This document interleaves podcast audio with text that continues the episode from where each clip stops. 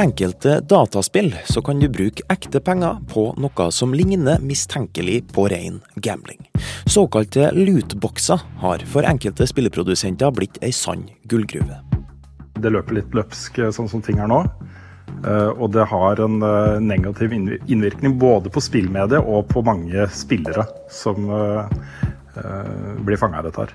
Amerikanske myndigheter vurderer å forby dem. Noen land i Europa har allerede gjort det, men hva bør vi gjøre her i Norge?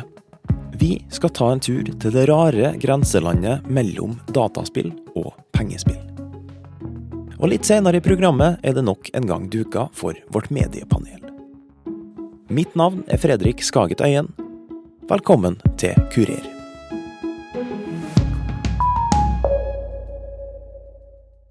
Hør på han her.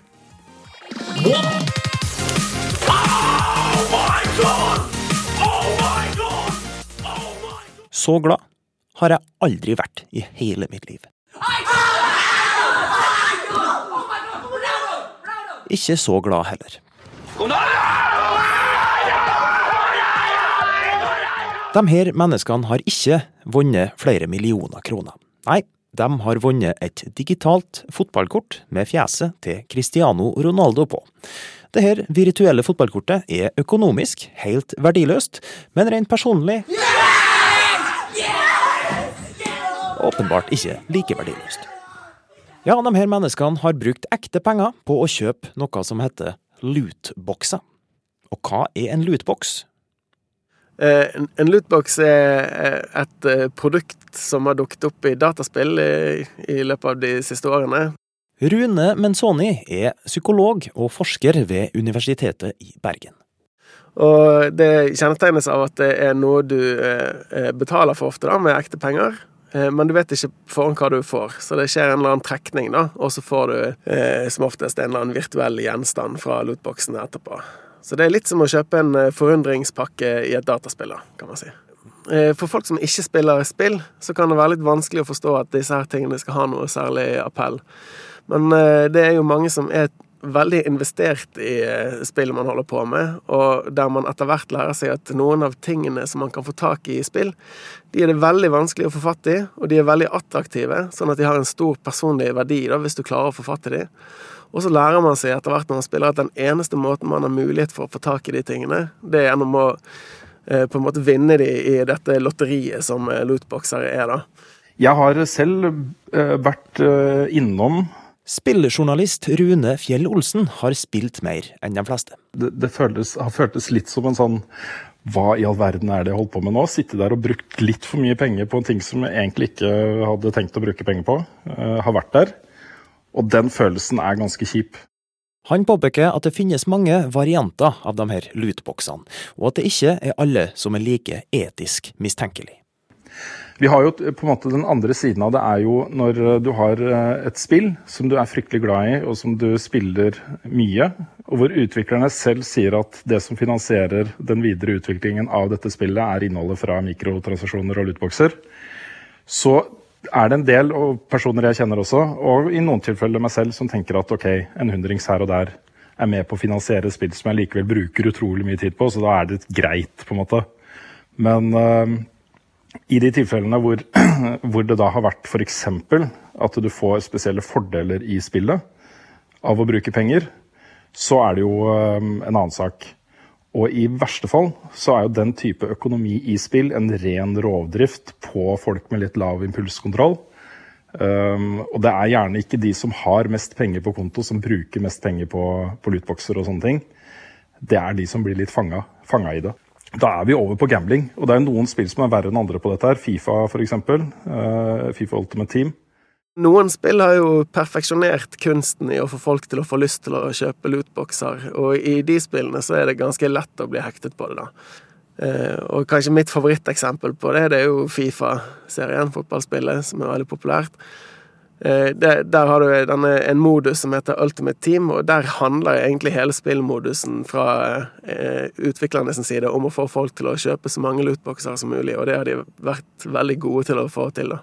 Lootboksene man finner i Fifa er som digitale pakker med fotballkort.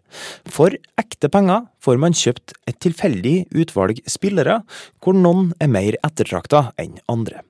Og spillutvikleren har med årene lært seg hvilke psykologiske knapper man bør trykke på. Med en gang man begynner å betale for de billige pakkene, så begynner man å etablere eh, vanene for at dette er en ting man kan gjøre. da. Kommer over terskelen på en måte for å bruke ekte penger og så begynner kvernen å, å rulle. Og da, da, har spillet massevis av sånne små triks som du bruker for å etablere vanen hos deg til å, eh, til å åpne pakker.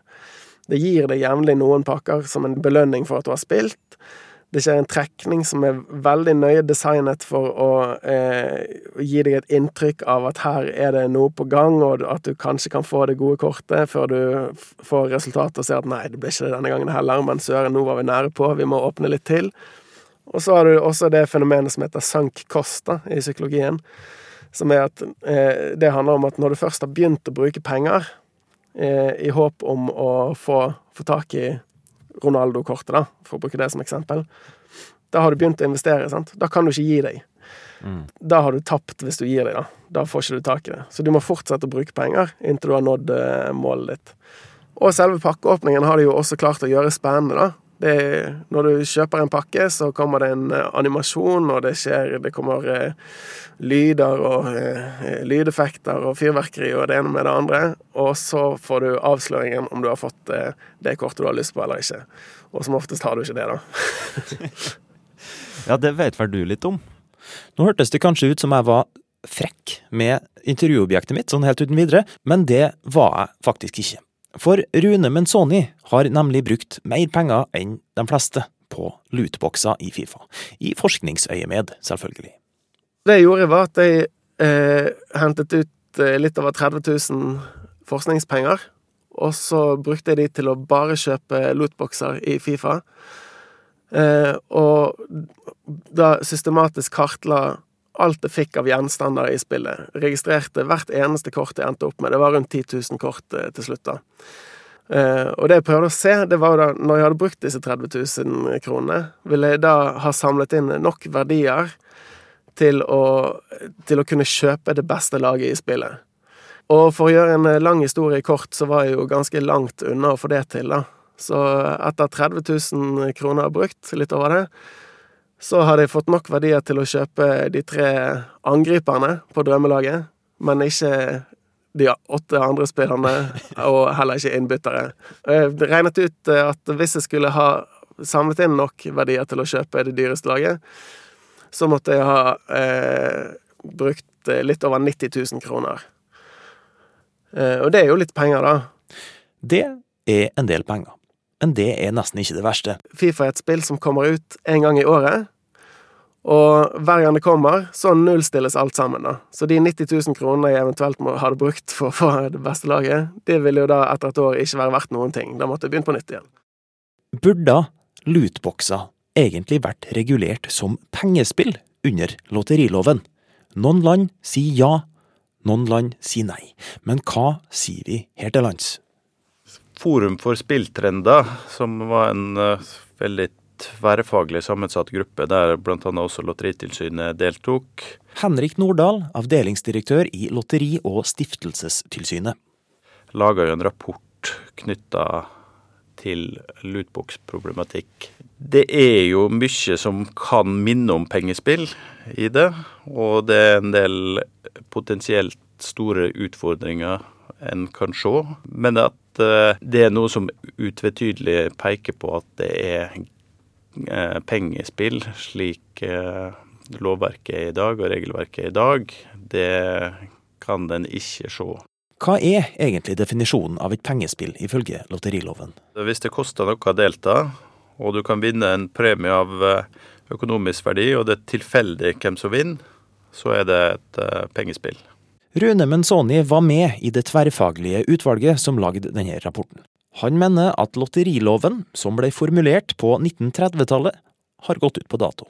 Det her økonomisk verdikriteriet for, på premiene, det spørsmålet man stiller da, det, det du kan vinne i dette her, er det noe som er verdifullt for noen andre? Kan du selge det videre? Mens eh, jeg mener jo at det mest relevante spørsmålet det er om det du kan vinne, har en verdi for deg sjøl. Uavhengig av om du kan selge det videre. Mm. Og virtuelle gjenstander i spill, de har potensielt en veldig stor personlig verdi for de som spiller, eh, og som er eh, tungt investert i spillene, da. Lootboksene man finner i Fifa, for eksempel, krysser bare to av de tre boksene i lotteriloven. Det koster penger å kjøpe. Trekninga av premien er helt tilfeldig, men premien er kun av potensiell personlig verdi. Spørsmålet blir da, burde det ha noe å si? For det i seg sjøl fungerer jo sikkert som et like sterkt insentiv til å bruke penger som økonomisk verdi ville gjort. Regelverket er jo veldig tydelig på det, så vi må jo nesten forholde oss til det som er den vedtatte definisjonen eh, per i dag. Eh, og så ser jo selvsagt utfordringer knytta til det her.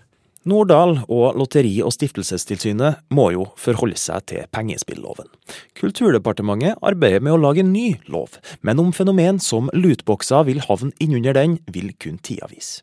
Det er mye Eh, utfordringer knytta til hvordan en eh, effektivt skal regulere eh, det her. Og det er jo et, en problemstilling som havner i gråsona mellom tradisjonelt dataspill og mellom tradisjonelt pengespill. og det det gjør det vanskelig for oss også å, å forholde oss til det på en helt klar, definert måte.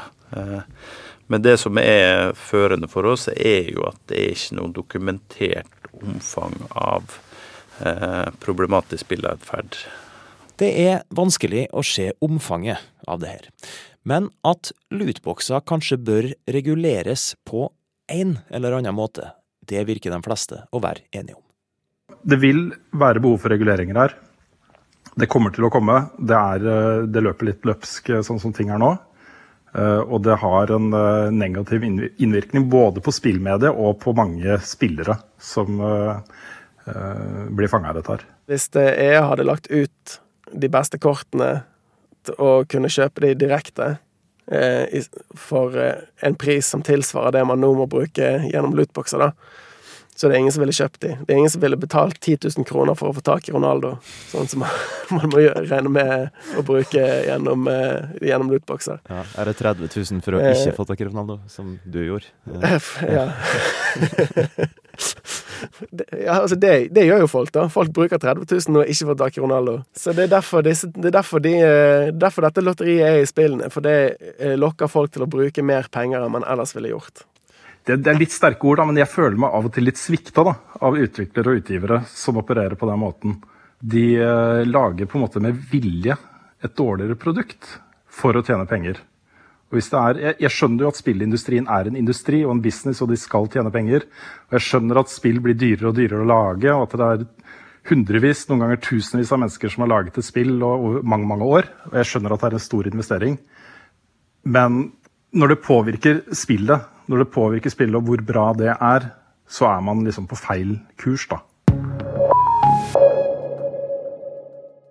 Da står kollega Lars Erik Ertsgaard Ringen klar i studio med ukas mediepanel. I dag har han med seg Tone Strøm Gundersen, nyhetsredaktør i Aftenposten, Sigrid Gjelland, regionredaktør i NRK, og Lars Østrått, redaktør i Trønderbladet og Oppdalingen. Denne uka har landets desidert største nyhetssak i Norge handla om en prinsesse og en sjaman.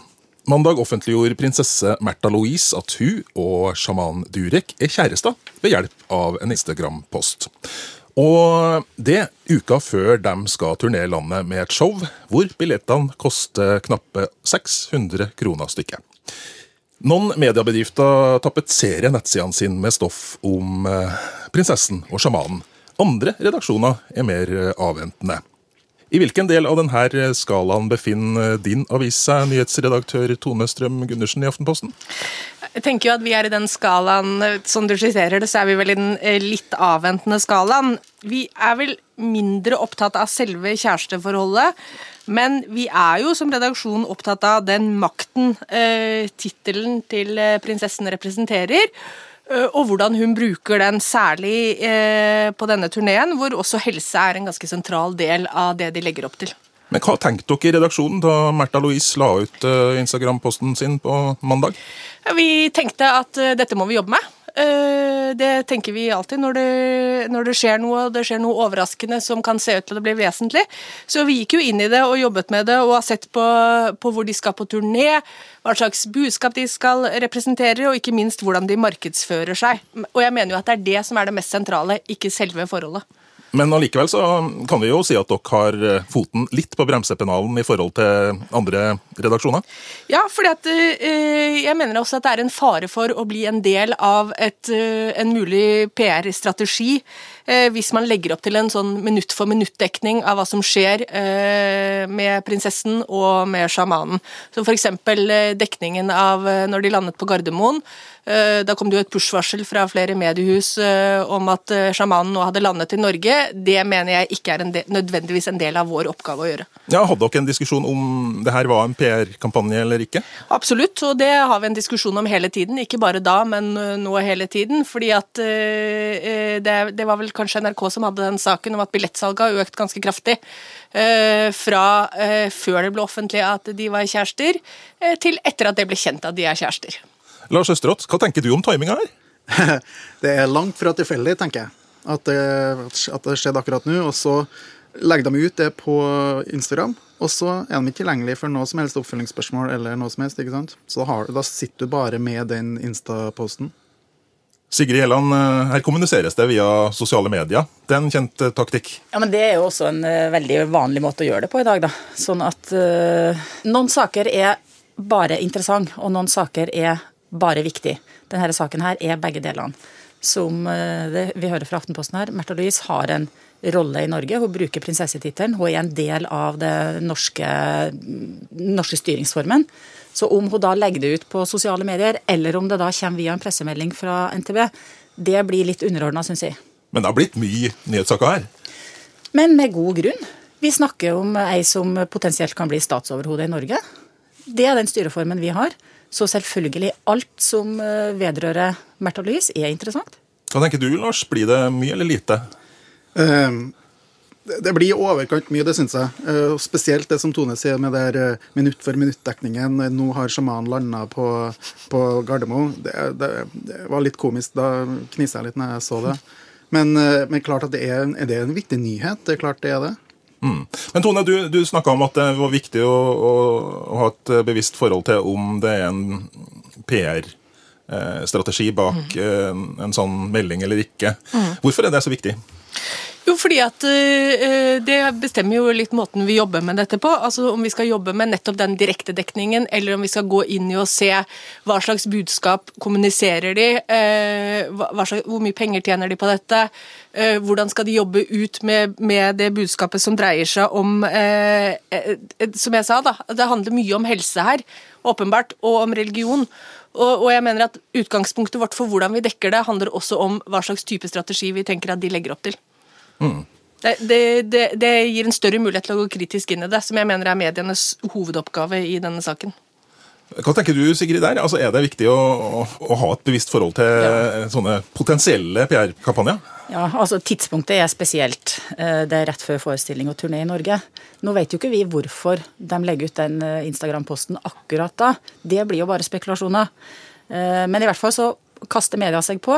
Men alternativet er jo verre. Skulle vi underslå det, liksom? Det er bare helt utenkelig.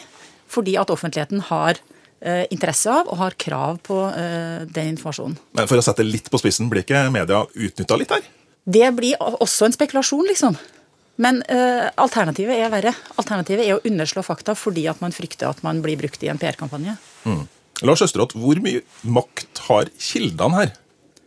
I denne saken så har jo kildene eh, ganske stor makt.